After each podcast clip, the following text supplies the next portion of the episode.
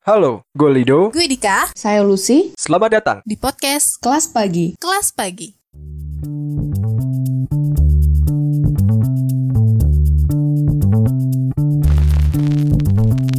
itu akan bisa nambah skills kita karena menurutku pribadi sekarang itu orang tuh nggak hanya ngelihat kita dari eh, GPA aja atau sekedar nilai A semua tapi juga soft skill kita tapi akhirnya ketika kalian kebiasaan itu akan jadi suatu hal yang bagus gitu. Karena ketika kalian keluar negeri pun mau nggak mau juga bakalan pakai bahasa Inggris.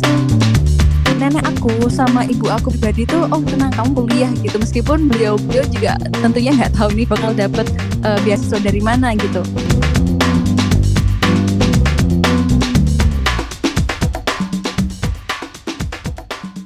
Welcome back to podcast kelas pagi. Wah, kalau kita di episode kelima kemarin atau kelas kelima kita cuma ngobrol bertiga sama gua, sama Bu Lucy dan juga sama Dika. Akhirnya di episode ke-6 ini alias kelas ke-6 kita kedatangan tamu nih yang jauh banget datangnya.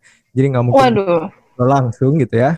Jadi kita sekarang podcastnya virtual, lagi-lagi long distance karena lagi-lagi COVID masih belum bubar ya, masih betah belum. lama-lama. Benar-benar. Jangan betah-betah dong. kita nggak akan ngobrolin soal vaksin lagi, COVID lagi, COVID lagi, karena kayaknya udah bosen banget gitu ya. Kita selama enam bulan ini berita-berita yang kita terima banyak dari COVID. Kali ini obrolan kita soal solarship nih. Jadi buat para solarship hunter, kayaknya episode ini worth it banget kalian dengerin gitu ya. Karena kita kedatangan tamu yang sangat istimewa, yang bakalan ngobrol banget nih sama Bu Lucy, sama gue sama Dika. Dan tanpa berlama-lama, gue mau welcome dulu nih sesuatu yang beda gitu ya. Karena tamu kita kali ini nggak lagi ada di Indonesia, ada di luar negeri. Oke, gue gue coba ini ya, gue coba pakai bahasa Mandarin ya gitu ya. Coba. Fevi, how ni hao ma? Ni hao. Apa kabar nih Kak Fevi selama kuliah di Taiwan? Sekarang lagi ada di Taiwan ya? Alhamdulillah sekarang kabarnya baik dan sekarang posisi emang lagi ada di Taiwan gitu. Hmm. Posisi di Taiwan berarti di sana masih menjalankan proses perkuliahan atau gimana nih Kak? Alhamdulillah sih kalau di Taiwan sendiri terkait khususnya COVID-19 memang beberapa dari udah dari beberapa bulan yang lalu itu bisa dal- masuk dalam kategori yang safety. Jadi Mhm. emang kita sejak Februari itu sampai sekarang kita tetap masuk kuliah terus gitu. Apalagi aku kan S2 dan kebetulan basicnya science. Jadi Mhm. tiap hari juga tetap nge-lab dan tetap kuliahnya juga secara fisikal sih. Alhamdulillah. Ya semoga Indonesia juga bisa secepatnya gitu ya. Amin amin amin. Oke, daripada kita nanti menerka-nerka nih Fevi ini siapa dan Fevi sekarang lagi kuliah apa di Taiwan gitu ya atau ada kegiatan apa di Taiwan, pastinya kuliah gitu ya. Cuman kita pengen tahu lebih dalam dari Fevi nih. Kalau boleh, apa enggak atau Kak kenalan dulu nih dari Fevi. Oh boleh boleh dong tentunya. Jadi buat semua kenalin aku Fevi Eka Wardiani. Aku sekarang lagi menempuh S2 tepatnya di Fakultas Life Science jurusannya Aquatic Bioscience. Jadi aku fokus untuk eh, water quality dan terkait soal lingkungan-lingkungan gitulah. Jadi aku emang tertarik nih passionate soal lingkungan. Dan selain itu nih alhamdulillah aku dapat full scholarship dari kampus aku gitu. Kalau boleh di-mention kampusnya ini di mana nih Kak? Oh ya, lupa ya. Aku tadi udah ngasih tahu fakultas sama jurusan nih, belum ngasih tahu kampus aku. Jadi buat teman-teman, aku sekarang lagi ada di Taiwan dan kampus aku namanya itu adalah National Chiai University. Jadi Chiai itu nama kotanya gitu ya. Jadi National Chiai University gitu. Oke, dan Kak Fevi lagi S2 di Fakultas Life Science untuk majornya adalah Aquatic by Science gitu ya. Ya, Aquatic dan Kak Fevi Bioscience. interest banget ya eh, tentang isu-isu lingkungan ya. Kalau misalnya saya lihat di LinkedIn-nya nih, karena kebetulan saya tahu profilnya Kak Fevi dari LinkedIn dan waktu itu kita em, apa ya bahasanya kalau di LinkedIn DM atau send Kontak message gitu ya. Via LinkedIn. lewat LinkedIn dan di profilnya Kak Fevi itu banyak banget Kak Fevi ngikutin kegiatan-kegiatannya nih. Kalau boleh nih Kak, selain eh, Kak Fevi fokus belajar sebagai mahasiswa S2 di National Chai University, Kak Fevi punya kegiatan apa lagi nih di sana? Oh, jadi aku di sini selain kuliah, aku juga ada project solar panel ya di teman-teman lab juga. Tapi Mhm. kalau di luar akademik itu, kegiatan non akademikku aku cukup aktif di kegiatan Punan Pelajar Indonesia, baik skala kampus aku, Perhimpunan Pelajar Indonesia Taiwan atau PPI Taiwan dan juga di Perhimpunan Pelajar Indonesia Dunia gitu, PPID singkatnya. Tapi kalau untuk yang lain kayak NGO gitu, aku juga sekarang lagi join di Climate Reality sama juga uh, WWF Indonesia. Tapi sebagai kalau di WWF sebagai volunteer gitu ya.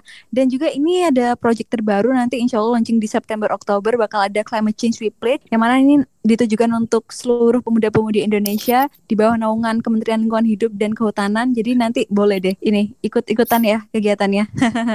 nah, kesempatan banget tuh buat kita-kita yang masih bingung nih kegiatannya ngapain aja selama pandemi, bolehlah ikutan project-project itu bareng KVV juga nantinya ya.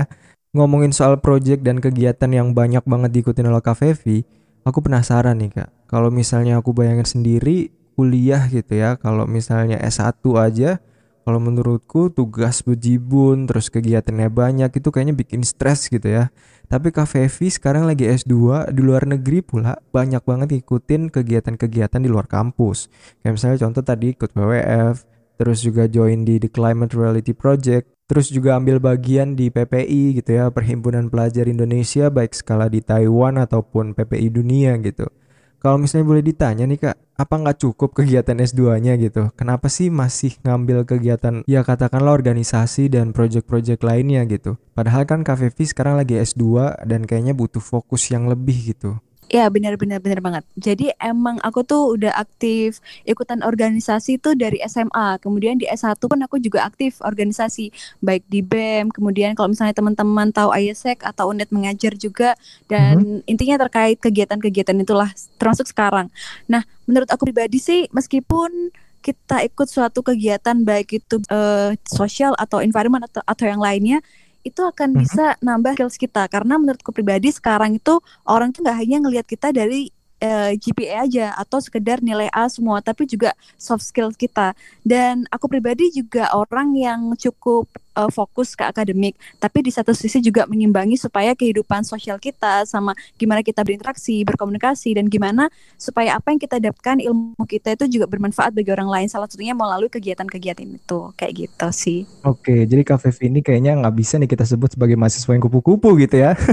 Hmm, iya. Jauh jauh banget kayak tapi yang perlu kita highlight adalah alasan KVV untuk ikut organisasi walaupun sekarang fokus ya untuk S2. Salah satunya adalah untuk membuka kesempatan-kesempatan lain gitu. Kalau boleh dibilang tadi KVV menyatakan organisasi itu bisa aja kita bisa menambah soft skill kita menambah relasi kita juga dan juga nambah pengalaman yang mungkin nggak kita dapatin di dalam kelas gitu. Jadi bisa dibilang KVV ini adalah lifelong learner gitu ya karena dari aktivitas yang dijalanin sekarang pastinya itu mencerminkan banget menurutku one of 12 powerful habits of lifelong learner. You actively seek opportunity to grow. Dengan banyaknya kesempatan-kesempatan di luar kegiatan kampus tadi, yang KVV jalani sekarang banyak banget diikuti dan itu jadi salah satu media belajar yang bisa dimanfaatkan oleh KVV. Nah sekarang aku mau tahu banget nih kak, alasan-alasan kesempatan itu bisa muncul dan akhirnya bisa diambil oleh KVV. Lewat sebuah pertanyaan basic sebenarnya yang mungkin juga sering banget ditanyain oleh banyak orang tentang apa dan siapa yang memotivasi KVV sampai akhirnya KVV bisa memutuskan, oke, okay, aku harus lanjut S2. Oke, okay, thank you. Jadi emang sesungguhnya dulu ini waktu aku masih kecil ya, memang kondisi ekonomi keluargaku ini bisa dibilang uh, di bawah rata-rata kayak gitu. Jadi waktu kecil tuh kayak untuk makan tuh susah gitu loh. Terus akhirnya waktu SD tuh sempat salah satu teman SD ku tanya, "Fev, kamu mau nggak lanjut kuliah S1?" waktu itu aku terus sebenarnya waktu itu juga aku nggak kepikiran ya kayak bocah SD terus rumahnya juga di pelosok kuliah S1 aku nggak paham dan pasti aku cuma tahu itu mahal tapi entah kenapa uh, nenek aku sama ibu aku pribadi tuh oh tenang kamu kuliah gitu. Meskipun beliau beliau juga tentunya nggak tahu ini bakal dapat uh, eh, beasiswa dari mana gitu. Dan okay. akhirnya sejak saat itu khususnya pas SMA aku aku karena waktu SMP SD nih ini ya apa namanya cupu banget bisa dibilang kayak Waduh. culun lah gitu ya. Jadi bahasa Inggris nggak bisa bener-bener nggak bisa. Juga kan mau les atau apa pun ini nggak nggak ada uang ya untuk lanjut gitu.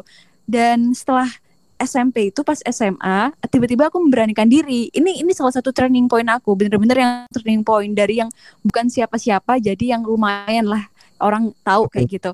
Jadi waktu SMA aku akhirnya kenalan pakai bahasa Inggris sesimpel itu maju gitu di depan umum terus aku kenalin diriku. Dari situ akhirnya mulai muncul kayak kesempatan-kesempatan lain gitu diajak debate bahasa Inggris kegiatan pramuka sampai sekarang. Dan memang dari SMA eh, SMA atau SMP itu aku udah punya cita-cita termasuk sekarang untuk bisa spread info apa pun itu khususnya positive vibes dan ingin teman-teman semua itu tahu gitu ya di mana pun kalian berada siapa pun kalian dengan latar belakang apa pun kalian tetap punya kesempatan yang sama gitu.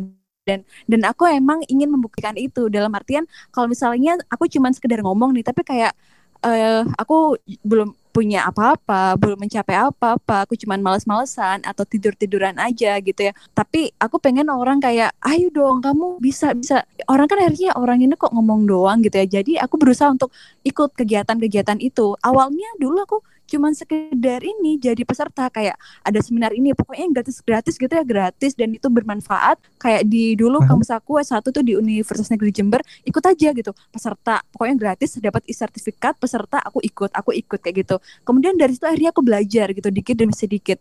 Dan aku ikut organisasi gitu ya semuanya aku ikutin awalnya mana yang cocok ke depannya aku akhirnya ikut dan nggak taunya dari dari situ aku emang punya salah satu moto tuh belajar tuh aku aku suka belajar gitu tapi be belajar yang aku maksud itu bukan hanya belajar dari buku meskipun belajar dari buku itu sangat bagus ya dan aku suka banget baca buku yep. belajar yang aku maksud tuh kayak kita komunikasi dengan orang itu itu juga belajar kita aware sama teman kita kita juga belajar dan sampai sekarang pun uh, aku juga sangat welcome gitu kepada semua teman-teman yang ngubungin aku untuk kayak uh, interview atau apa pun itu. Aku nggak terlalu mempersulit ketika emang waktunya sesuai dan emang uh, jadwalnya juga sesuai aku pasti akan sangat mempermudah. Jadi aku punya punya motivasi supaya apa yang dicita-citakan nenek aku, ibu aku dan aku pribadi supaya orang-orang ini punya dan tahu gitu. Kalau kalian tuh punya kesempatan yang sama loh untuk bisa mencapai cita-cita dan uh, mimpi kalian. Makanya aku sering banget di setiap bio aku, baik itu di mana pun, kayak aku daftar WWF, Climate Reality dan lain sebagainya, aku selalu bilang diriku tuh dreamer gitu. Aku aku bilang aku ini pemimpi gitu. Dan aku selalu berusaha untuk mewujudkan mimpi-mimpiku kayak gitu. Wow, super banget nih. Dari Kak Fevi bilang tadi berangkat dari keterbatasan ya gitu ya. Walaupun kalau misalnya kita generalisasikan semua orang pasti punya keterbatasan masing-masing gitu ya punya versi keterbatasannya masing-masing dan Kafevi yang mm-hmm. ya dan bisa start kayak misalnya awalnya Kafevi ini kayak cuma nyoba gitu ya ngomong dengan bahasa Inggris akhirnya membuka semua kesempatan gitu ya mm-hmm. itu mm-hmm. yang Kafevi jadi suka belajar ada satu pertanyaan yang kayaknya menarik banget kalau misalnya kita tahu jawaban dari Kafevi nih kak Do you believe the beauty of learning? Ah, oh, of course. Aku percaya banget sih kayak gitu. Oke. Okay. Dan selama Kak Vivi belajar dari step by step yang Kak Vivi lalui, bukan hanya belajar dari buku, apa impact yang bisa Kak Vivi rasakan dari kan hal terkecil sampai Kak Vivi bisa S2 di Taiwan sekarang? Oke, okay, jadi waktu itu SMA. Aku nih memang karena itu tadi ya, basicku kan kayak uh, keterbatasan ekonomi dan sejenisnya. Jadi aku tuh sangat menghargai gitu orang-orang yang ada di sekitarku, termasuk guru-guruku. Menghargai guru itu sangat uh, apa ya? Sangat menurutku sangat berharga itu. Entah itu guru ngaji, entah itu guru di SMA, termasuk dosen-dosennya aku anggap guruku kayak gitu. Dan ketika di SMA ada salah satu guru bahasa Inggrisku namanya Bu Titin. Aku masih ingat beliau. Beliau menyampaikan seperti ini. Uh, hasil yang baik itu belum tentu prosesnya baik. Tapi kalau prosesnya baik, pasti hasilnya itu baik. Jadi dalam artian gini, waktu itu kan SMA tuh masih teman-teman sering banget nyontek gitu ya, apa-apa nyontek. Terus uh, dosenku guruku bilang, "Emang sih kalau kalian nyontek, kalian bisa gitu dapat nilai 80 atau 90. Tapi prosesnya nggak baik gitu." Tapi kalau misalnya kalian akhirnya belajar dan dapat proses yang baik, kayak misalnya kalian nyiapin gitu, kemudian kalian dapat 80, 90 itu udah otomatis gitu karena itu itu adalah hasil dari usaha kalian. Dan aku pribadi juga kayak ketika uh, kita udah berusaha maksimal kayak gitu ya daftar beasiswa atau apa, apa pun itu entah gimana hasilnya kita pasti akan puas gitu. Kalau itu adalah usaha diri kita sendiri yang mana itu adalah step by step kita belajar kayak gitu. Poin yang kita dapatkan adalah kita nggak boleh mengkesampingkan yang namanya proses. Karena seperti yang Kak Fevi bilang tadi kalau misalnya hasilnya baik, belum tentu prosesnya itu baik. Tapi kalau misalnya prosesnya baik, itu sudah pasti hasilnya baik. Jadi kita perlu mengusahakan prosesnya karena kita bisa banyak belajar dari sana. Jadi tinggal kita mau mengambil kesempatan atau enggak. Jadi masalahnya bukan kita dapat kesempatan atau enggak. Karena gue yakin banget setiap orang itu pasti punya kesempatan yang sama. Bedanya adalah kita berani mengambil kesempatan itu atau enggak. Oke, Kak. Iya, iya benar. Beranjak lagi nih Kak, dari alasan tadi Vivi S2 gitu ya, beranjak dari keterbatasan, kemudian akhirnya Vivi bisa kalau ibaratnya Om Iwan Fals bilang mah bongkar gitu Kak ya. dari berbagai macam apa namanya beragam kesempatan yang ada gitu. Kenapa Fevi milih Taiwan sebagai tujuan untuk melanjutkan studi? Aha. Jadi aku dulu se- sesungguhnya sama sekali nggak ada niatan untuk ke Taiwan. Aku bahkan nggak tahu kalau misalnya Taiwan itu bagaimana. Aku sama sekali nggak tahu. Jadi emang aku niatannya oh Eropa, Amerika lah gitu. Pakai LPDP luar negeri, Chevening atau Fulbright kayak gitu. At least Australia lah kayak gitu. Kemudian pas aku udah prepare, pas aku eh, di 2018 itu aku baru lulus pas LPDP luar negeri ini udah buka, tapi aku masih belum persiapan apa-apa. Mhm. Dan aku ngerasa kayak, aduh kayak ini meskipun aku daftar, kemungkinan besar untuk masuk sampai lolos dan keterima ini cukup kecil deh. Jadi aku, oh ya udahlah, aku setahun ini dari 2018 aku stop pending dulu lah, aku kerja dulu. Tapi sel- selain kerja aku juga siapan. Dan ternyata di pertengahan 2018 itu mungkin sebelum bulan Desember ada salah satu temanku itu nge-share story dari temennya. Jadi Oke. misalnya aku punya teman si A, si A punya teman si B. Nah, si A ini nge-share tem- eh, story-nya si B, yang mana aku nggak kenal sama si B. Dan akhirnya kenal. Nah, dari situ akhirnya aku tanya, "E, Mbak, ada beasiswa ini ya di Taiwan ya gitu. Oh iya gitu. Aku cuman iseng waktu itu. Terus akhirnya Mbaknya ini eh, ngasih informasi dan aku juga entah kenapa aku mempersiapkannya dengan cukup eh, prepare. Jadi pendaftarannya itu kemungkinan di bulan awal tahun 2019 tapi akhirnya aku tuh dari 2018 akhir Desember itu aku udah prepare kayak belajar TOEFL kemudian sampai tes tes TOEFL nyiapin paspor dan karena aku emang udah pengen rencana S2 gitu ya jadi aku cari beasiswa yang emang secepat mungkin aku bisa berangkat. Dan waktu itu yang buka itu ada tiga di bulan awal-awal eh, awal tahun 2019 satu beasiswa Turki YTB Oke. Kemudian yang kedua India, ICC, ah, Taiwan ini beasiswa kampus. Yang mana aku sebelumnya tuh nggak tahu kayak kampus-kampus yang lain atau ada beasiswa pemerintah Taiwan tuh aku nggak tahu. Jadi aku ya udah langsung di beasiswa kampus ini. Dan alhamdulillah ternyata dari kampus ini itu yang paling cepat memberikan respon dan memberikan email. Dan juga ketika aku nge-reply itu responnya sangat cepat dan positif.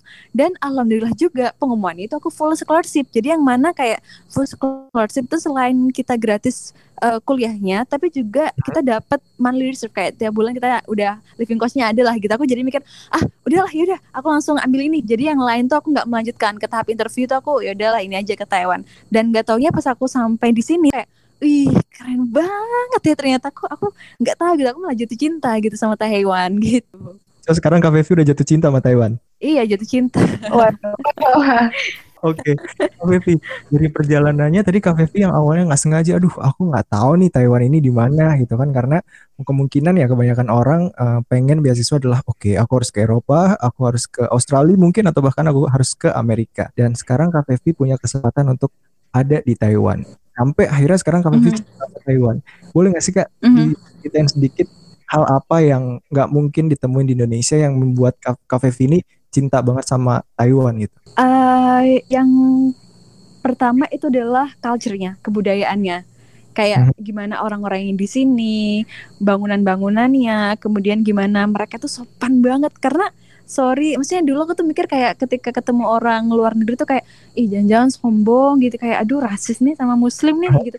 Tapi sampai di sini mereka tuh yang bener-bener kayak mau matiin lampu aja mereka tuh bilang dulu ah maaf ya aku mau matiin lampu kayak gitu. Ah maaf ya aku baru datang. Terus misalnya kayak kita ketemu tiap pagi meskipun tuh udah teman deket banget tapi kayak yang morning hai terus enggak eh, see you kayak gitu-gitu kayak wih gitu apalagi bahasanya aku karena aku juga suka belajar bahasa dan aku ngeliat di sini ih bahasanya keren banget gitu tulisan-tulisannya dan lain sebagainya jadi aku tambah passionate gitu untuk lanjut belajar di sini kayak gitu hal-hal yang Kak Vivi cintain adalah culture, kemudian bahasa, dan hal-hal menarik yang nggak bisa ditemuin di Indonesia. Satu lagi Mhm. yang mau aku tanya yang mungkin nggak ditemuin di Indonesia, ada nggak sih Kak karakteristik pendidikan di Taiwan ya? Karena Kak Vivi ini kan hampir udah tahun lebih ya Kak di sana ya. Iya iya Hmm, Karakteristik pendidikan di Taiwan yang nggak bisa ditemuin di Indonesia. Mhm. Eh, ada beberapa perbedaan sih yang menurutku juga sepertinya bisa bisa sedikit banyak diterapkan di Indonesia ya kayak gitu.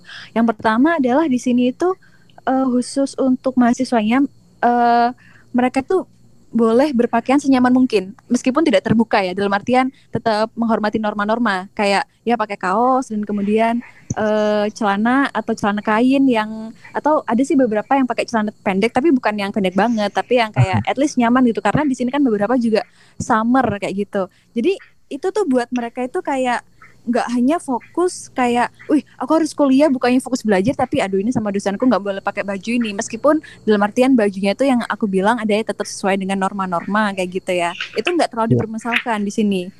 Kemudian yang kedua adalah di sini dosen-dosennya itu sangat amat menghormati uh, pemikiran ataupun pilihan dari mahasiswanya misalnya nih kalau misalnya ada suatu uh, presentasi gitu ya itu nggak harus yang dosennya itu bener-bener kamu harus kayak gini ini nggak boleh ini nggak bagus atau apa mereka tuh open gitu buat dis diskusi. Meskipun beliau-beliau ini sudah sangat berumur kayak udah 60 tahun 60 tahunan atau yang lain sebagainya ini tetap bisa nyambung gitu sama mahasiswa. Jadi nggak ada kayak batasan gitu ketika kita diskusi.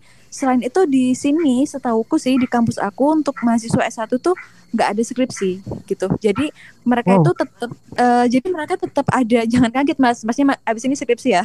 Iya benar jangan kaget. Jadi emang aku baru tahu di sini juga nggak ada skripsi. Tapi mereka uh, buat semacam poster yang mana poster itu kayak lebih ke publish gitu. Aku sebenarnya setuju banget ya ketika ini bisa diterapkan di Indonesia dalam artian ketika mahasiswa itu masih dalam skala strata S1 gitu ya. Itu menurutku bisa banget gitu dieksplor kemampuan-kemampuan mahasiswa ini nggak hanya dalam bidang satu bidang gitu, entah itu poster atau pub, uh, publikasi internasional atau publish jurnal atau mungkin buat film. Menurutku it's really worth gitu. Kecuali kalau misalnya udah emang skalanya udah master atau apa yang emang harus ada kayak berapa kali uh, publish jurnal dan sejenisnya kayak gitu sih. Sama sarana prasaranya lengkap banget dan bagus banget gitu. Kita nggak nggak kesusahan. Aduh ini ini rusak atau ini nggak ada di sini itu. Alhamdulillah di sini cukup terpenuhi kayak gitu. Ya meskipun juga pastinya ada, maksudnya ada tantangan dan beberapa part nggak enaknya itu pasti ada gitu ya. Cuman kayak at least lah kayak gitu. Oke, sekarang Dika nih kayaknya mau nanya nih. Ini nih kayak dengar cerita dari Kak Afif itu kayak seru banget eh, apa tentang culture-nya gitu kan yang kemudian agak berbeda gitu kan dengan yang di sini gitu. Ini kan Kak Afif juga sempat nyinggung nih walaupun ada per, ada tantangan atau ada kendala gitu selama ada di sana, boleh diceritain sedikit nggak sih hmm. uh, kendala atau apa ya? Mungkin yang uh, kudu uh, ada uh, effort dikit gitu buat memisahkan diri berada di Taiwan gitu ada jelasin mungkin diceritain sedikit Uh, yang pertama itu adalah bahasa. Masih aku suka bahasa, mm-hmm. tapi yeah. ketika di sini itu nggak semua orang bisa berbahasa Inggris. Yang mana aku bahasa Mandarinnya itu masih belajar gitu. Jadi ketika kita kayak di public space atau kita simpel kita mau beli makanan atau misalnya mm-hmm. kita khususnya kalau misalnya kita harus ke bidang administrasi dari gitu ya kan beberapa staffnya juga belum semuanya mahir bahasa Inggris gitu ya ini agak jadi aduh ini yang ngomong apa apa ini? Sementara kadang pemilihan diksinya ketika kita ngobrol sama staff itu kan bukan yang kayak halo apa kabar? Saya mau beli ini kamu baik kan lebih kayak misalnya mau tanda tangan buat student ID kayak gitu-gitu. Ini itu cukup aduh polemik sih. Atau enggak kadang ketika kita ngobrol sama profesor kita meskipun profesorku juga bahasa Inggrisnya oke okay, gitu. Cuman tetap aja gitu pasti bakal ada satu dua kata atau beberapa kata itu yang miskom gitu antara aku dan beliau. Jadi aduh ini tadi ngomong apa? gitu. Jadi itu akhirnya juga jadi salah satu yang kadang apa ya bisa jadi beda pendapat kayak gitu. Tapi menurutku ini juga wajar sih di Indonesia kadang kita juga sering kan agak miskomunikasi dengan dosen kita. Kayak yang udah sama bahasa aja kadang kita masih miskomunikasi apalagi yang beda bahasa. Itu yang pertama. Terus yang kedua adalah karena di sini aku juga sebagai muslim Nah di di Taiwan sendiri itu kan nggak semua kota ada masjid kayak gitu. Dan di kampus aku sendiri uh, di kota aku sendiri ini eh, nggak uh, ada masjid, adanya itu tempat sholat di salah satu toko Indonesia yang mana itu cukup jauh, yang nggak bisa dijangkau, kayak deket gitu ya. Jadi harus kayak naik bis, naik bis dulu. Dan selain itu juga di sini tuh uh, makanan makanan kita nggak nggak mm -hmm. bisa mm-hmm. sembarangan kayak langsung beli makan gitu karena kan kadang uh, juga menggunakan minyak-minyak yang mungkin kurang sesuai gitu ya dengan dengan aku kayak gitu. Harus hati-hati sih gitu. Ada hal-hal uh, yang harus diperhatikan gitu ya kak ya di sana itu. Iya benar. Nah Kak Vivi kan udah lanjut uh, eh, S2 di Taiwan gitu kan uh, merantau di kota orang eh di kota orang di negara orang gitu ya kayak ya, jauh dari uh, keluarga dari teman-teman gitu kan pastinya nah uh -huh. uh, apa sih kak yang buat Kak Vivi kayak mantep banget nih oke okay, aku uh, apply beasiswa ini aku ambil beasiswa ini aku uh, berangkat gitu ke Taiwan. Ada nggak sih kak dilema-dilema sebelum akhirnya oke okay, aku berangkat deh ke Taiwan mau uh, lanjut S2 ke sana gitu kak? Ada lah pasti ada pertimbangan itu. Uh, ada beberapa yang cukup berat ya waktu itu yang harus aku tinggalkan sih. Jadi yang pertama itu uh, aku nih waktu sebelum berangkat aku sudah keterima sebagai kandidat utama perwakilan Jawa Timur untuk maju di kapal pemuda Nusantara kayak gitu. Oh. Jadi udah udah ACC dari Kabupaten Jember, dari dari Dispora Jawa Timur udah udah wih ini udah berangkat nih, udah kandidat utama kayak gitu. Tapi waktu keberangkatan di kapal pemuda Nusantara dan keberangkatan aku S2 di luar negeri ini sama kayak gitu. Jadi kayak hmm. ya Allah what should I do? Kayak kayak yang karena emang yang di kapal pemuda Nusantara ini cukup nggak nggak sembarangan gitu ya. Kita tesnya banyak banget harus ngantri dan tesnya tuh nggak satu hari kayak berhari-hari dan itu sistem gugur dan juga ada karantinanya untuk akhirnya bisa terpilih jadi kandidat utama. Selain itu kita juga nggak hanya yang akademiknya bagus, nggak hanya soft skillnya bagus, tapi kita, juga harus kayak punya bakat gitu yang yang di show off ke mereka kayak gitu dan akhirnya pas pengumuman dan kemudian aku juga lolos S2 di luar negeri. Jadi aku kayak ngobrol gitu sama ibu aku juga sama senior aku di kapal pemuda kapal pemuda Nusantara Kebetulan masnya juga anak Universitas Negeri Jember, alumni angkatan 2019, uh, 2011. Terus aku ngomong, "Mas, ini anaknya gimana ya, Mas?" Aku ini udah keterima S2 gitu. Emang pengumumannya tuh kapal pemuda Nusantara dulu, baru kemudian akhirnya eh, S2. Kemudian dari masnya bilang dulu, "Ya kalau gitu uh, Mas dan teman-teman tim juga memahami gitu kalau misalnya uh, Fevi harus berangkat gitu. Dan memang alhamdulillahnya di kapal kapal pemuda Nusantara ini ada cadangan-cadangan. Jadi kalau misalnya aku nggak berangkat ada cadangan satu. Cadangan satu nggak berangkat ada cadangan dua kayak gitu. Mm-hmm. dan kebetulan yang cadangan satu ini juga available pada waktu itu dan sangat amat berminat kayak gitu. Dan mungkin memang rezekinya gitu ya. Jadi akhirnya aku mengikhlaskan lah yang kandidat utama ini dan aku berangkat ke Taiwan. Cuman alhamdulillah juga ketika ke Taiwan kita juga uh, dapat banyak pengalaman kayak gitu. Itu sih salah satu pertimbangan cukup berat ketika berangkat ke sini. Oh, enggak enggak bukan kaleng-kaleng ya berarti kayak uh, pertimbangannya Kak Pevi yang harus ditinggalkan gitu kayak kandidat utama loh guys. Kudu ditinggalin akhirnya lanjut gitu ke uh, eh, S2 di Taiwan. Tadi Kak Pevi juga uh, sempat bilang katanya kan uh, uh, apa ada uh, skip setahun buat lanjut uh, ke S2 gitu ya Kak ya? Mm -hmm, Uh, kalau boleh tahu itu uh, pekerjaannya pekerjaan seperti apa itu kak? Maksudnya uh, di bidang apa? Oke, okay. uh, jadi sebelum aku lulus S2, aku udah direkrut gitu di salah satu uh, sekolah di hmm. Nuris Jember. Jadi aku di Nuris Jember itu uh, ngajar tapi khusus untuk olimpiade biologi gitu. Jadi emang nurisnya emang minta dari tim karena waktu kuliah aku uh, sering untuk ikut kegiatan olimpiade biologi gitu on MIPA. Jadi kayak tiap tahun aku berangkat dan dan akhirnya dari situ uh, direksinya Nuris minta gitu untuk uh, aku bantu mereka ngajar khusus olimpiade gitu. Jadi aku belajar di situ dan ketika lulus pun aku tetap melanjutkan gitu sampai aku baru stop di Nuris untuk ngajar biologi ini sebelum aku berangkat mungkin satu mingguan mungkin sebelum aku berangkat ke Taiwan. Dan selain aku kerja di Nuris aku juga kerja di salah satu perusahaan di Jember. Cuman aku mungkin nggak sebut nama nggak bisa sebut nama company-nya. Tapi mm-hmm. di situ aku bergerak di bidang kayak uh, property advisor yang yang fokus untuk kayak tahu terkait uh, gimana sih investasi itu. Gimana ya kok pokoknya gitu lah nggak nyambung tapi khusus yang ini tapi cuman kayak menarik gitu loh buat aku bisa belajar di situ dan alhamdulillah juga dari situ aku juga bisa dapat uang saku tambahan untuk belajar lanjut kuliah di sini gitu. Hmm, berarti selama setahun itu uh, Kak juga bekerja sebagai pengajar di sekolah Nuris dan properti apa tadi Advisor. Kak? Advisor. Oh ya. Hmm, ya. Nah, uh, ada nggak sih Kak pengalaman-pengalaman dari uh, kerja di situ yang akhirnya bisa uh, ngebantu Kak Fevi buat apa ya mendukung uh, Kak Fevi belajar uh, di Taiwan apa S2 di Taiwan gitu Kak. Uh, baik banget sih.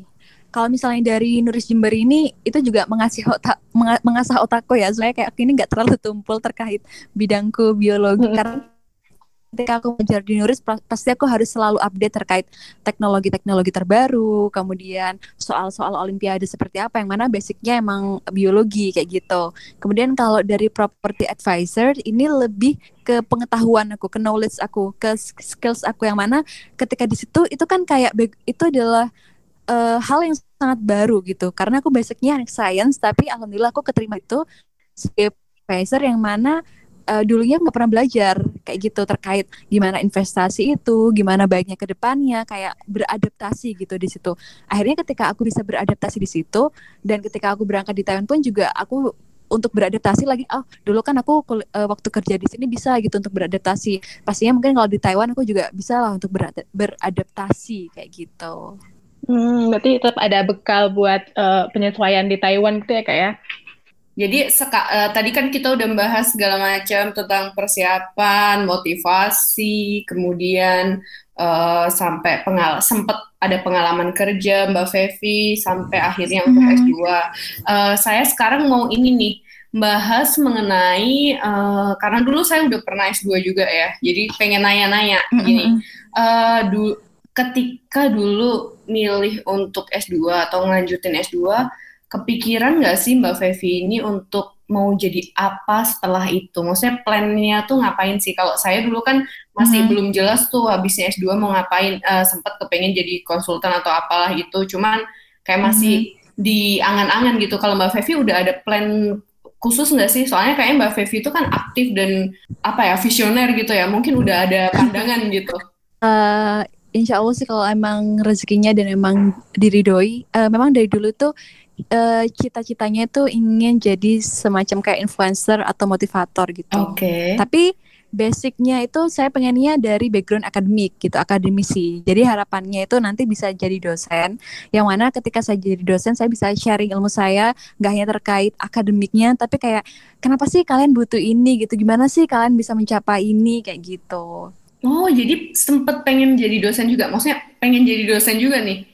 Iya. Hai iya. sih, semoga bisa ya. Semoga nanti eh, nggak uh, tahu sih mau jadi dosen di mana. Kalau misalnya balik ke kampusnya juga, alhamdulillah. Kalau nggak, mungkin bisa nyari di tempat lain juga. Atau ada keinginan untuk tetap stay di luar negeri untuk nggak balik di Indonesia karena kan beasiswa kampus ya. Jadi lebih fleksibel. Uh, ini juga tergantung rezeki nanti gitu. Kalau misalnya ada kesempatan tawaran uh, untuk balik ke universitas S1 sih hmm. juga mungkin akan diterima, tapi juga semisal ada kesempatan untuk lanjut S3 gitu juga diterima gitu. Lihat hmm. mana yang bagus gitu. Apalagi juga ini kan udah umur 23 gitu ya. Jadi kayak aduh, apalagi jodoh juga belum kelihatan gitu ya. Jodoh belum kelihatan, guys. Jadi kayak ketawa. Oke. Oke. Pesan lah Kak Fevi. Kak Fevi kalau mau jadi dosen, tadi kan Kak Fevi udah banyak pengalaman tuh di Taiwan itu. Kalau misalnya S1 nggak usah skripsi, tolong itu disuarakan Kak ya. Aduh. saya juga bisa menyuarakan itu kok, do tenang aja. Enggak, okay. gini, um, kocak banget saya. Saya jadi ketawa soalnya tadi Mbak Fevi sempat bilang ah, jodoh juga belum ada. Saya jadi ketawa. Sorry Mbak. Iya belum kelihatan. Sorry ketawa. Saya juga menertawakan diri sendiri nggak apa-apa kok Mbak. Oke. Okay. Jadi kan uh, berarti Mas ada kemungkinan untuk balik juga ada kemungkinan untuk pengen S3 lagi. Kalau saya jadi Mbak Fevi sih, saya akan yeah. lebih menyarankan untuk S3 serius karena berdasarkan pengalaman kayak ya, kalau udah terjun di dunia kerja gitu ya, kalau udah terjun ke dunia kerja untuk bisa masuk ke S3 tuh agak susah. Pasti akan di, di apa ya ditarik-tarik sama kampus lah atau nanti harus kontrak dulu lah dan segala macam. Ya, jadi benar-benar hmm, harus juga hmm, kayak juga. gitulah. Pokoknya ya semoga semoga yang terbaik lah untuk keinginan-keinginannya. Tapi Mbak Fevi kan juga aktif di amin, uh, amin. di semacam NGO gitu juga ya apakah punya iya, iya, kayak iya. pandangan karir di NGO dan sebagainya kayak gitu? Uh, cukup ada sih, cuman emang lebih besarnya itu ke akademisi. Oh, cukup okay. ada tapi yang lebih besar ke akademisi kayak gitu. Oke, okay, ampun, semoga ya bisa. Pasti kampus juga seneng amin, banget amin, kalau Mbak Fevi balik nih. Oke, okay. udah bahas tentang tadi, kemudian saya pengen Mbak Fevi kan uh, tadi bilang juga pengen jadi influencer ya, apa ya? Uh, kalau influencer tuh mm-hmm. sekarang pesannya tuh konotasinya kayak agak ada negatif-negatifnya. Tapi kalau jadi orang yang bisa memberi pengaruh ke anak muda, saya iya, pengen yeah, Mbak yeah, Fevi yeah. kayak ngasih pesan buat mahasiswa yang sedang nyari beasiswa karena pasti Mbak Fevi dulu pernah sempet lah pada posisi-posisi yang nggak enak waktu jadi pencari beasiswa dan segala macam. Uh, pesan buat mahasiswa yang sedang mencari beasiswa atau berkeinginan melanjutkan S2 tuh apa sih Mbak? Pesannya? Mm-hmm. Pesan dari aku sih yang pertama harus cari dulu why kamu, alasan kamu. Kenapa kamu mau untuk lanjut S2? Kenapa kamu mau lanjut kerja? Kenapa kamu mau lanjut organisasi atau ikut kul atau kuliah kayak gitu.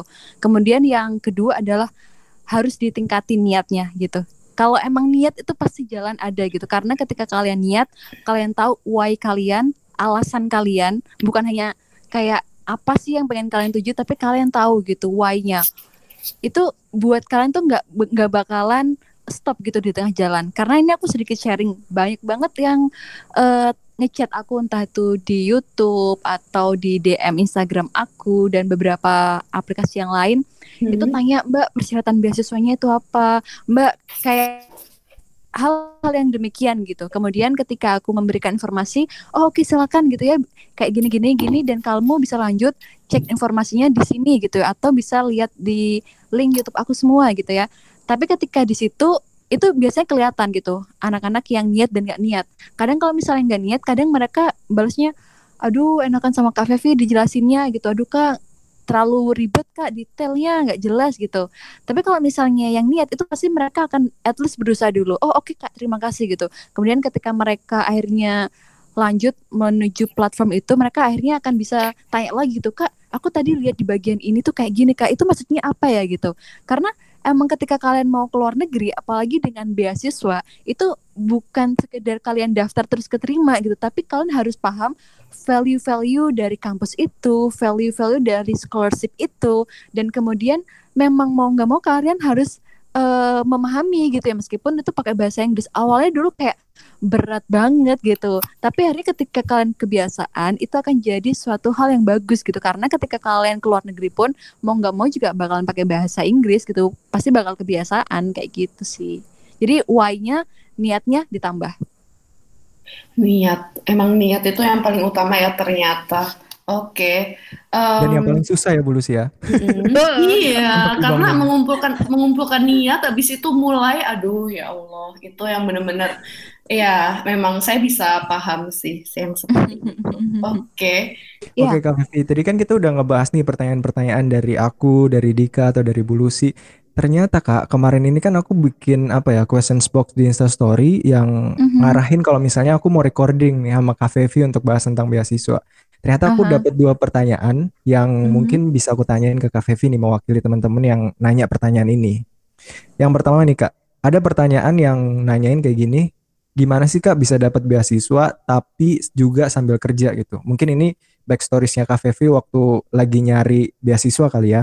Mm-hmm. Ya kan dia bilang kalau misalnya beasiswa itu kan kebanyakan melarang aplikannya yang terpilih untuk bekerja. Apakah mm-hmm. ada syarat khusus atau negosiasi ke pihak terkait yang dibutuhkan? Oke, okay. jadi ini aku akan uh, jelaskan detailnya perlahan-lahan gitu ya supaya teman-teman yang mendengarkan juga lebih paham kayak gitu. Jadi uh, yang pertama ini ketika aku sudah keterima kerja di dua tempat kerja itu tidak ada kontrak dalam eh dalam artian ada kontrak tapi itu setahun dan kontraknya ini nggak ada penalti. Jadi mungkin kalau misalnya mm. teman-teman maka dari itu aku tetap stay di Jember dan tetap memilih dua pekerjaan itu karena aku memang dari awal tuh dari awal tuh emang udah set plannya itu mau S2 gitu dan untuk kerjaan ini selain emang untuk menambah skill dan lain sebagainya itu emang ada pekerjaan yang nggak ada penaltinya ketika aku tiba-tiba keluar untuk lanjut beasiswa kayak gitu lanjut sekolah Cuman mm-hmm. di sini uh, teman-teman juga harus punya etika yang baik gitu dalam pekerjaan itu. Jadi memang untuk yang di sekolahku yang ngajar ini dari awal aku lulus dan kemudian mungkin enam bulan sebelum aku lanjut untuk keterima beasiswa bahkan sebelum aku pengumuman sebelum aku daftar aku ini sudah menyampaikan gitu ke beliau ke guru-guru di sana kalau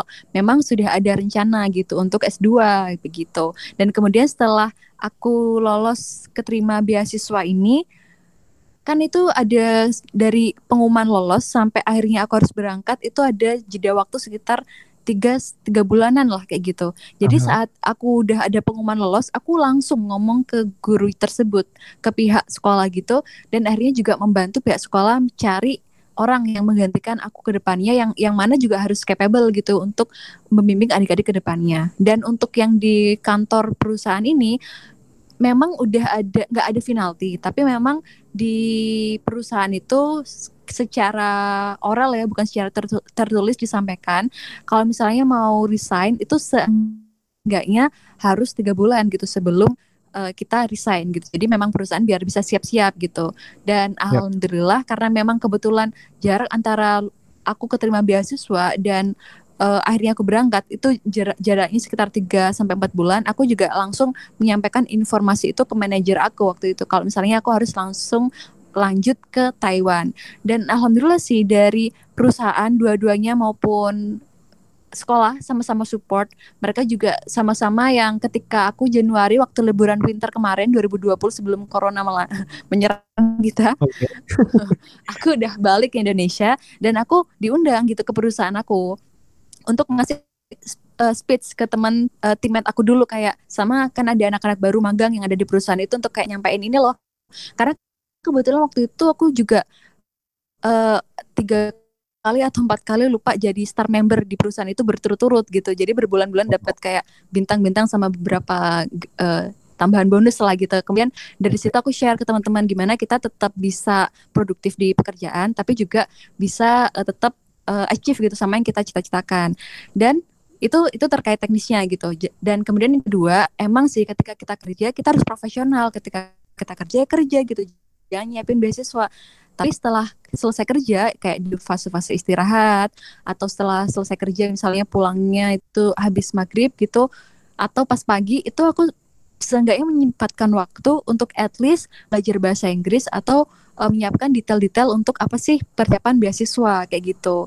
Jadi kita sebagai orang, sebagai personal itu harus punya etika yang baik. Dalam artian jangan mentang-mentang udah keterima beasiswa ya udah tinggal aja. Itu kan akhirnya nggak baiknya untuk adik-adik angkatan kita yang setelahnya ingin masuk di tempat tersebut gitu. Kalau bisa kita masuk baik-baik kita keluar juga baik-baik. Tapi kita harus punya tanggung jawab yang sama gitu. Jadi kalau misalnya kalian udah punya cita-cita atau set goals itu meskipun belum tentu seenggaknya di, diobrolin. Jangan kayak yang ini dibuat cadangan aja. Banyak banget yang kayak gitu. Misal nih uh, uh, aku ini nih mau daftar A gitu. Mau daftar kerjaan A ini keren banget. Misal kayak gitu. Skalanya udah skala nasional lah gitu. Kemudian uh, di satu sisi aku sebenarnya udah keterima beasiswa gitu cuman beasiswanya masih beasiswa biasa aja kayak gitu. Tapi udah keterima beasiswa padahal banyak yang nggak keterima beasiswa itu. Akhirnya aku tetap ini maksain untuk dapat uh, eh, kerjaan A ini. Akhirnya pas dapat kerjaan A yang harusnya aku udah datang untuk lanjut di beasiswa ini malah aku tinggalin. Ini kan darinya adik-adik angkatan kita yang kayak satu univ sama kita itu akan jadi ih kok dari universitas ini rata-rata alumni kayak gini ya. Nah, itu yang harus dihindari. Jadi, hmm. teman-teman harus satu punya etika yang baik, dua harus emang meluangkan waktu dan emang siap-siap kalau waktunya, waktu tidurnya, waktu mager-magerannya gitu. Karena saya juga kadang suka mager gitu, itu dikurangin ketika emang kalian lagi bekerja dan kalian juga nyiapin lanjut S2 kayak gitu. Oke, jadi banyak KVV waktu prepare ini adalah no days off gitu ya. Nggak ada tuh waktu nganggur, walaupun hobinya ya tapi kita kurangin dulu untuk prepare gitu ya. Menarik banget nih Kak, ngobrolin tentang KVV yang ternyata juga sebegitu strugglingnya untuk bisa dapat beasiswa, karena kan KVV juga waktu itu masih bekerja gitu ya, bahkan di dua instansi, satu di company, yang satu di sekolah, dan Fevi keluar dengan baik-baik. Ngomongin soal kerja nih Kak, kita juga punya pengalaman yang mungkin bisa kita share nih lewat Bulusi. Bulusi uh, S2 pun Bulusi lebih bang ya. Itu gimana Bu rasanya Bu? Oh my God, saya nggak bisa mengungkapkan dengan kata-kata kalau Mbak Fevi ini kan sebelum S2 ya uh, kerja di company-nya. Hmm. Kalau saya tuh di tengah-tengah Mbak. Hmm. Jadi uh, semester satu akhir, semester 2 sampai semester 3 akhir tuh saya kerja di Bang, itu rasanya Wah. Masya Allah. Saya nggak mau ulang lagi sih kalau ditanya. Itu benar-benar super berat. Saya nggak ada waktu untuk baca baca buku saking saking ininya, saking padatnya. Karena kerjanya kan kebetulan juga masih staff kan, yang Mm-mm. bagian filing-filing dokumen dan lain sebagainya itu. Jadi saya nggak ada nggak sempat waktu untuk baca buku, nggak sempat ada waktu untuk kayak belajar. Belajar tuh biasanya di kampus ya. Saya tuh orangnya pemalu. Kalau Mm. presentasi itu eh, akan apa ya? Prepare-nya tuh akan lama gitu karena saking pemalunya jadi harus menyiapkan mental gitu kan. Tapi semenjak saya kerja itu ini nih akhirnya saya belajar dari situ juga nih.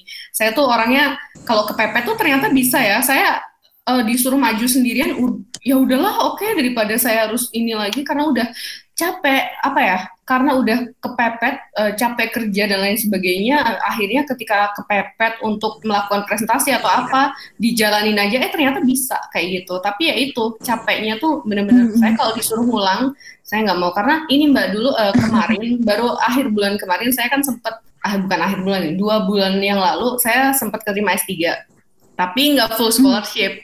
Saya langsung mikir dong nggak full scholarship yang bener aja. Nanti saya kejadian kayak S2 lagi nih kerja ambil kuliah aduh nggak mau lagi. Nggak mau ngulangin lagi karena eh, emang kalau misalnya kita mau kuliah itu yang paling benar adalah dapat beasiswanya itu yang full time kayak Mbak Fevi ini. Kan dia dap- eh, dapat beasiswanya full kan. Dapat uang saku juga kemudian dapat beasiswa Hmm. tuition juga. Kalau saya sih pengennya kayak gitu karena kalau misalnya kerja ambil kuliah bener-bener yang kerjanya itu ikut corporate oke nggak nggak lagi deh nggak lagi lagi itu sih Dor harus itu nggak nggak no Pernah ya Bu ya udah ya. nyerah nyerah sebelum berperang saya udah enggak daripada karena makan ini makan hati mental dan Mhm, kesehatan itu kemakan semuanya jadi enggak deh nggak sehat Mm.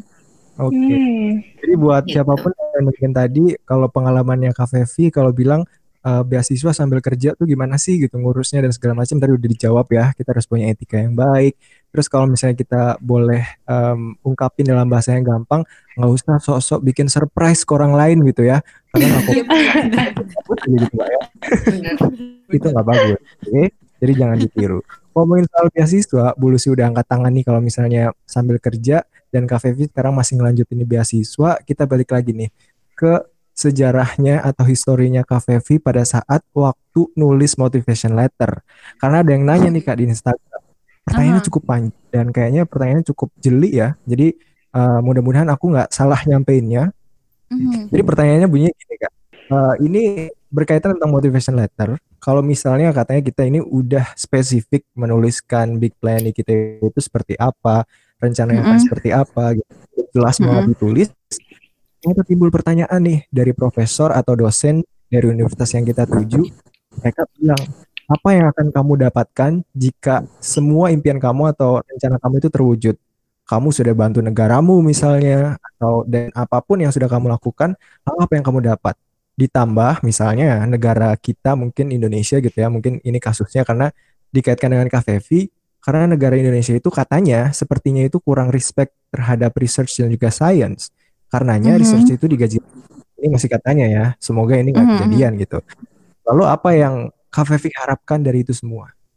Oke, ini bagus juga ya Kak. Aku baru pertama kali nih dapat pertanyaan kayak gini dari beribu-ribu pertanyaan yang biasanya tanyanya Kak gimana cara buat motivation letter yang bagus gitu. Aha. Tapi ini boleh sih teman-teman pendengar bisa subscribe uh, YouTube aku. Ada juga di situ gimana buat motivation letter sama study plan yang bagus. Banyak banget di situ Q&A terkait beasiswa. Balik lagi nih di pertanyaan tadi terkait motivation letter gitu ya, kayak terkait isi dan lain sebagainya. Aku sekali lagi aku bakal paparin lagi dari awal supaya teman-teman dengernya juga bisa lebih enak dan detail gitu ya.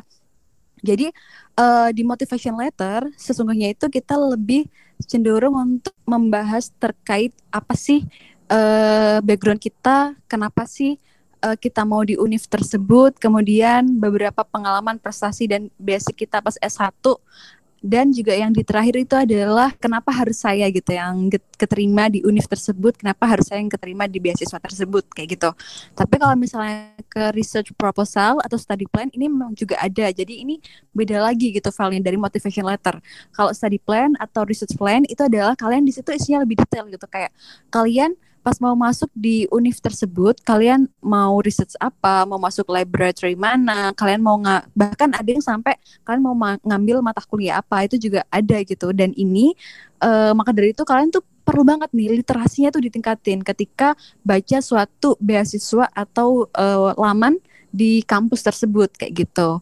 Dan balik nih ke pertanyaannya Kak, ini kalau misalnya Kakak udah ditanya terus Kakak bakal dapat apa gitu sementara Kakak uh, tahu sendiri uh, katanya gitu ya di negara kita beberapa yeah. yang terkait R&D research and development ini masih belum terlalu dihargai sangat amat besar gitu sama negara kayak gitu.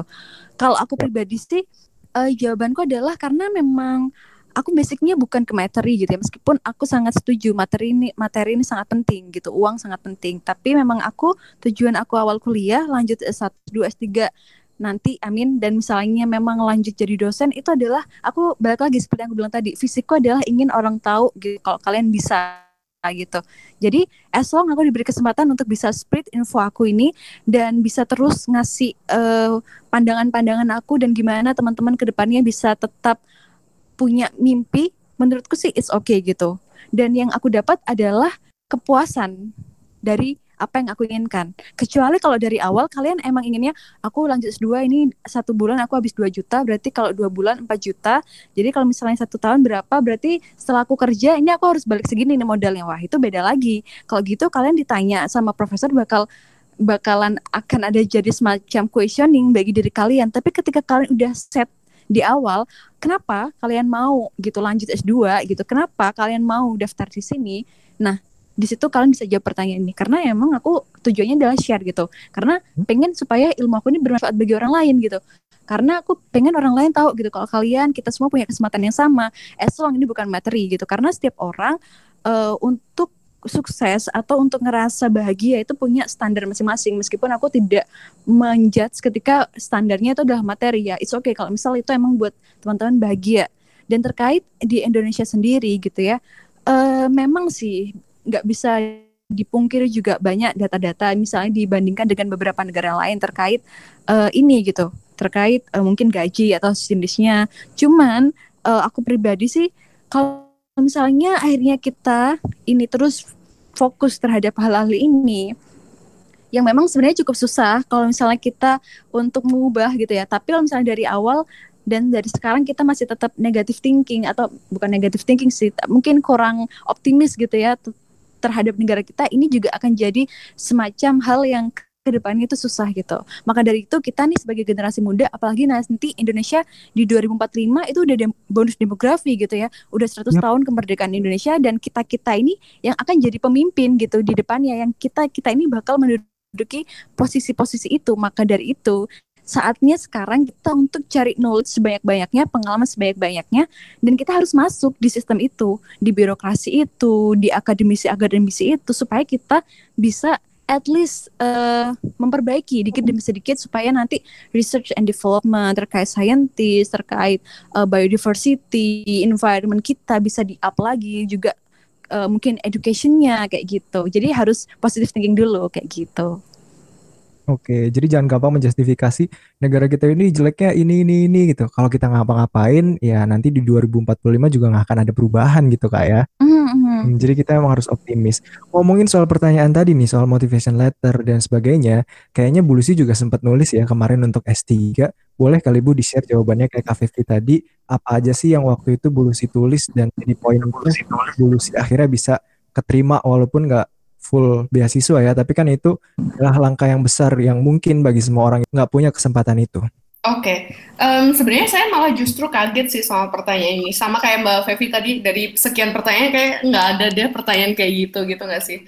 Uh, kalau yang ditulis di motivation letter sih uh, standar-standar aja. Jadi kayak pertanyaan mengenai kenapa milih negara ini, kenapa memilih kampus ini, terus kontribusimu nanti apa, kemudian uh, kontribusi kamu terhadap bidang ini apa dan sekitar muter-muter itu aja saya malah justru uh, mungkin mungkin sih ada pertanyaan yang seperti ini pertanyaan yang tentang uh, apa yang akan kamu dapat harta tahta atau yang lainnya itu maksudnya uh, kalau misalnya re researcher itu nggak dihargai di Indonesia itu malah justru nggak nggak ditanyakan dan menurut saya itu uh, terlalu nggak terlalu ngejudge juga sih kalau misalnya memang ada sampai pertanyaan seperti itu. Tapi saya punya pendapat juga nih kalau misalnya memang ada pertanyaan yang demikian ditujukan ke saya. Sama seperti Mbak Fevi tadi uh, kalau misalnya orang itu dari basicnya atau dari awalnya itu memang tujuannya adalah materi kamu kerja di dunia akademisi jadi researcher dan lain-lain sebagainya itu itu hanya akan makan hati guys. Jadi jadi jangan kerja di kalau kamu pengen nyari duit kerja di corporate. Jangan pernah kayak membandingkan sesuatu apalagi kayak ngitung-ngitung kayak dari Mbak Fevi tadi misalnya uh, bulan pertama itu habisnya segini, bulan kedua habisnya segini, bulan ketiga habisnya segini itu itu materi banget dan kalau misalnya memang dari dari sebelum S2 itu udah ada keinginan untuk mau jadi akademisi, itu yang sering saya tulis di Quora saya juga. Jadi banyak mahasiswa yang nanya pengen jadi dosen gitu, uh, kemudian tipsnya apa dan lain sebagainya. Saya selalu camkan satu uh, mindsetnya diubah. Udah jangan materi lagi karena banyak orang yang uh, miskonsep apa ya mis mis mis apa ya bukan miskomunikasi sih. Jadi uh, mereka tuh ngiranya bahwa kalau jadi dosen atau jadi akademisi jadi researcher itu gajinya gede lah. Karena kan biasanya dosen itu adalah orang yang pertama dilihat sama mahasiswa kan. Jadi orang yang pertama dilihat gitu loh. Jadi kayak ada yang bilang artisnya artisnya kampus ya dosen gitu. Karena orang yang memang sering dilihat itu adalah dosennya. Jadi kesannya itu mereka tuh yang kayak apa ya secara materi itu berkecukupan gitu loh. Padahal ya kalau dibilang berkecukupan ya saya saya nggak bilang nggak bersyukur dan lain dan lain sebagainya. Tapi mungkin ada benernya memang kalau di Indonesia itu researcher dan akademisi itu memang uh, sedikit lebih tidak dihargai daripada di negara lain. Ada ada memang saya nggak bisa apa faktanya memang seperti itu saya jadi nggak bisa nggak bisa enggakin karena memang faktanya demikian. Cuman kalau kamu masuk di tempat yang bagus, kalau kamu masuk di tempat yang benefit kayak kampus saya sekarang, alhamdulillah seperti itu. Jadi saya nggak pernah tuh kayak merasa sampai kekurangan duit sampai sebulan saya nggak ada duit sama sekali tuh kayak nggak pernah sama sekali. Jadi itu tergantung tergantung tujuan tujuan kam, bukan company, tujuan dari kampusnya juga. Kalau kampusnya memang benefit, ya kamu akan dapetin sesuai dengan apa yang kamu keluarkan. Kalau kampusnya yang biasa aja atau kampusnya itu memang mereka manajemennya jelek, ya kamu nggak akan dapat sesuai yang kamu keluarin. Jadi kayak gak worth it gitu. Memang ada yang seperti itu. Itu sih kalau dari saya. Oke, hmm. dari dua jawaban tadi tentang motivation letter atau sebagainya lah ya, yang untuk uh, persyaratan kita apply beasiswa di luar negeri, mungkin ini akan jadi pertanyaan terakhir untuk Kak Fevi sekaligus penutup dan juga pesan juga buat hmm. semuanya tadi sore banget aku dengerin uh, interviewnya dari GM Talent di Telkomsel yaitu Mbak Fani. Kalau misalnya dia itu bilang uh, setiap aplikan-aplikan yang background pendidikannya di Indonesia itu mereka kurang percaya diri untuk nunjukin kalau misalnya mereka itu punya skill yang memang sepadan dengan orang-orang yang lulusan dari luar negeri. Tapi mereka secara uh, gamblang untuk ngegambarin mereka punya skill itu tuh masih malu-malu gitu loh. Nah, karena Kak Fevi ini kan aktif banget dan juga pengen menginfluence orang, ada nggak sih Kak tips supaya kita itu percaya diri nih untuk kalau misalnya kasarannya bilang aku tuh punya skills ini tapi dengan cara yang gue nggak terlalu sombong karena gue punya skills ini di, bidang apa itu mau nanti di pekerjaan atau bahkan nanti kaitannya dengan motivation letter yang kebanyakan adalah uh, tentang diri kita dan apa yang akan kita lakukan. Oke, okay, uh, eh, aku akan menjawab pertanyaan closing ini dengan sedikit panjang gitu ya, sekaligus uh, menutup Q&A kita. Jadi ini juga sempat kemarin waktu aku wawancara sama salah satu majalah ditanyain terkait tips ini gitu terkait minder dan lain sebagainya. Mungkin nggak bisa jauh-jauh ini ya kita nggak usah ambil jauh-jauh yang dari kayak lulusan Indonesia sama lulusan luar negeri gitu.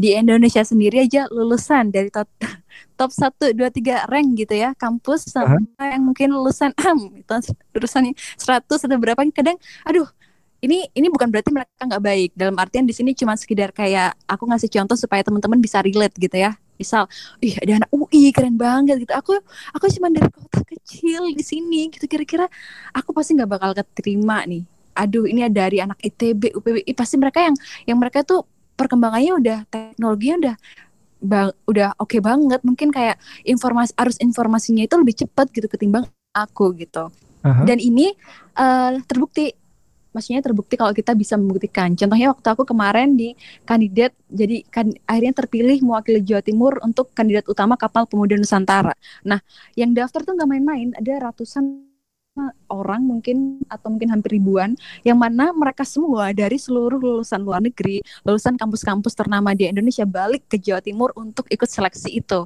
Dan aku dari Universitas Negeri Jember yang yang bagus kampusnya keren gitu ya. Tapi aku juga waktu itu ngerasa ih aku bakal keterima kah gitu.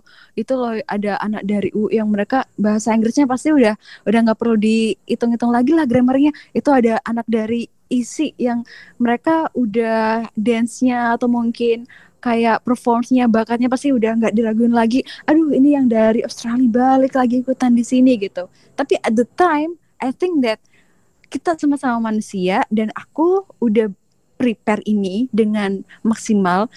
Jadi kenapa gitu? Dengan backgroundku sebagai uh, anak yang berasal dari kampung gitu. Karena emang aku beneran dari kampung. Kalau misalnya Jember aku tuh bukan di Jembernya guys. Di Puger gitu yang deket deket pinggir pantai gitu. Jadi emang nuansanya nuansa nelayan kayak gitu. Jadi yang kayak why? gitu ya inilah gitu waktunya buat kita ngebuktiin kalau kita juga punya quality yang sama. Kalau kata dosenku ada namanya beliau Pak Fuad sekarang lagi lanjut S3 juga uh, FMIPA biologi. Beliau bilang gini, uh, yang menentukan kalian itu bukan hanya nama dari universitas kalian, tapi adalah masing-masing kualitas dari diri kalian sendiri gitu. Jadi meskipun kalian kuliah di mana, tapi kualitas kalian seperti apa, yaitu akan mencerminkan diri kalian. Meskipun kalian dari desa atau mungkin kuliah di tempat yang tidak sebesar yang lain, tapi kalau kualitas diri kalian bagus itu juga akan oke. Okay. Nah, ini yang jadi pertanyaan, di mana caranya supaya kita punya kualitas yang bagus gitu. Pertama, kita harus mau yang namanya belajar, berproses. Belajar dan berproses ini bisa kita dapat sehari-hari. Sesimpel kayak presentasi, ayo kamu yang maju gitu. Ayo kamu yang presentasi. Biasanya jangan jangan rebutan jadi eh aku jadi operator aku jadi operator. Kamu aja yang materi satu dua aku operator. Biasanya gini waduh rebutan jadi operator gitu. Nah ini harus itu itu mungkin simple gitu ya tapi dari kalian latihan di kelas presentasi itu juga akan nambah. Kemudian ketika ada diskusi atau sesimpel dosen kalian siapa yang mau tanya? Siapa yang mau diskusi? Angkat tangan kalian. Ini simple tapi really really worth it banget. Kalau kalian nerapin. Terus ketiga kalian sering ikutan organisasi. Tapi aku aku rasa juga nggak nggak hanya organisasi. Nggak hanya organisasi sih. In case kalian lebih tertarik ke internship, in case kalian lebih tertarik untuk jadi entrepreneurship, in case kalian buat semacam kegiatan kayak podcast pagi ini yang yang menurutku sangat amat inspirasional banget gitu ya buat anak muda. Kalian bisa gitu dapat pengalaman dari dalam dan luar kampus. Ini akan nambah kepercayaan diri kalian secara nggak langsung dan secara nggak sadar kayak gitu. Kemudian poin utama yang kedua selain kalian belajar tadi di kelas dan buat-buat kegiatan aktif adalah yang kedua kalian harus mau untuk menambah wawasan dari berbagai literasi misalnya sering baca buku atau at least ketika kalian nggak terlalu suka baca buku suka sukanya sosial media tapi coba deh sekarang yang di follow itu lebih kayak mungkin BBC, CNN jadi dari situ kalian akan semakin update ketika kalian update, kalian punya wawasan, kalian bisa relate gitu. Kalian ngobrol sama orang yang classy, kalian bisa, kalian mau nongkrong di BMW ya. Kalau di Jember ada kopi BMW itu kalau teman-teman tahu ngobrol nongkrong di situ it's okay gitu. Kayak dari level mana pun kalian bisa masuk ketika kalian punya wawasan dari berbagai uh, platform-platform media sosial yang sekarang terbuka lebar kayak gitu. Yang ketiga adalah preparation ini adalah tahap yang paling sering banget dilupain sama orang-orang.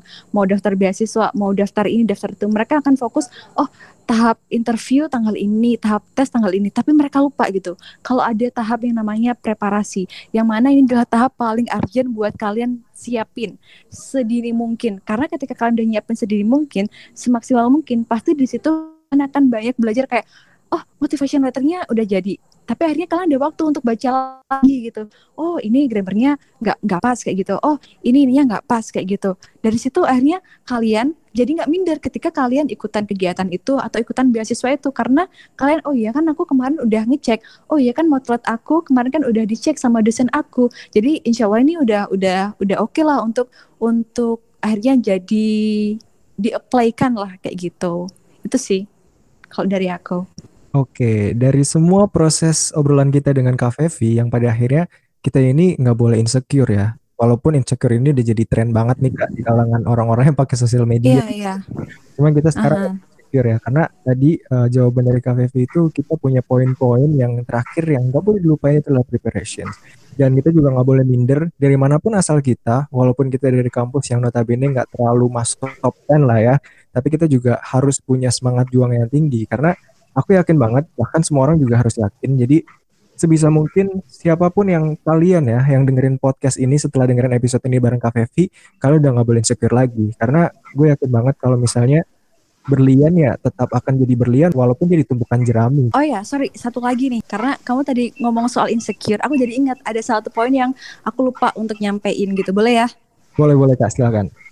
Eh, jadi gini, sekarang itu bener banget. Banyak banget orang-orang itu yang insecure di media sosial. Karena mereka menganggap harus menjadi eh, main role, harus jadi peran utama. Kayak, ih mbak ini nih followersnya udah banyak banget, aku pengen nih kayak gini.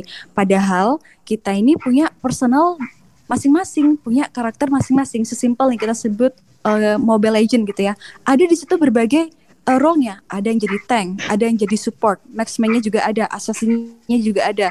Bukan berarti ketika kalian cuma jadi support, terus kalian nggak bagus gitu. Kalau emang ternyata basic kalian, background kalian dan kalian lebih nyaman jadi support, ya why not gitu. Kalian kerjanya back office. Tapi kalau misalnya emang kalian punya skills yang bagus untuk jadi front office, ya why not gitu. Nggak harus memaksakan ketika kalian dikenal orang, ketika kalian punya followers yang banyak, it's mean kalian adalah orang yang keren. Is- itu nggak kayak gitu gitu. Kalian punya standar masing-masing atas kebahagiaan diri kalian. Kalian punya role masing-masing yang sesuai dengan diri kalian. Nggak harus jadi tanknya, nggak harus jadi assassinnya. Kalau misalnya emang kalian oke jadi support, ya why not kayak gitu. Jadi jangan insecure lagi. Jangan insecure tapi bersyukur. Benar, benar Jadi obrolan banget. kita sama Kak Fevi eh, berbobot banget isinya daging semua nggak ada kulitnya. Jadi kalau kalian eh, bisa nih berulang-ulang dengerin kalau misalnya mau terus inspirasi dari Kak Fevi dari ceritanya yang eh, mendobrak keterbatasan kemudian akhirnya bisa sampai sekarang mendapatkan achievement yang luar biasa. Kita say thank you banget untuk Kak Fevi karena udah mau join di Ah, thank you, thank you udah Thank you, Mbak Fevi. Thank you, thank you banget. Bye-bye, Bye, makasih. thank you.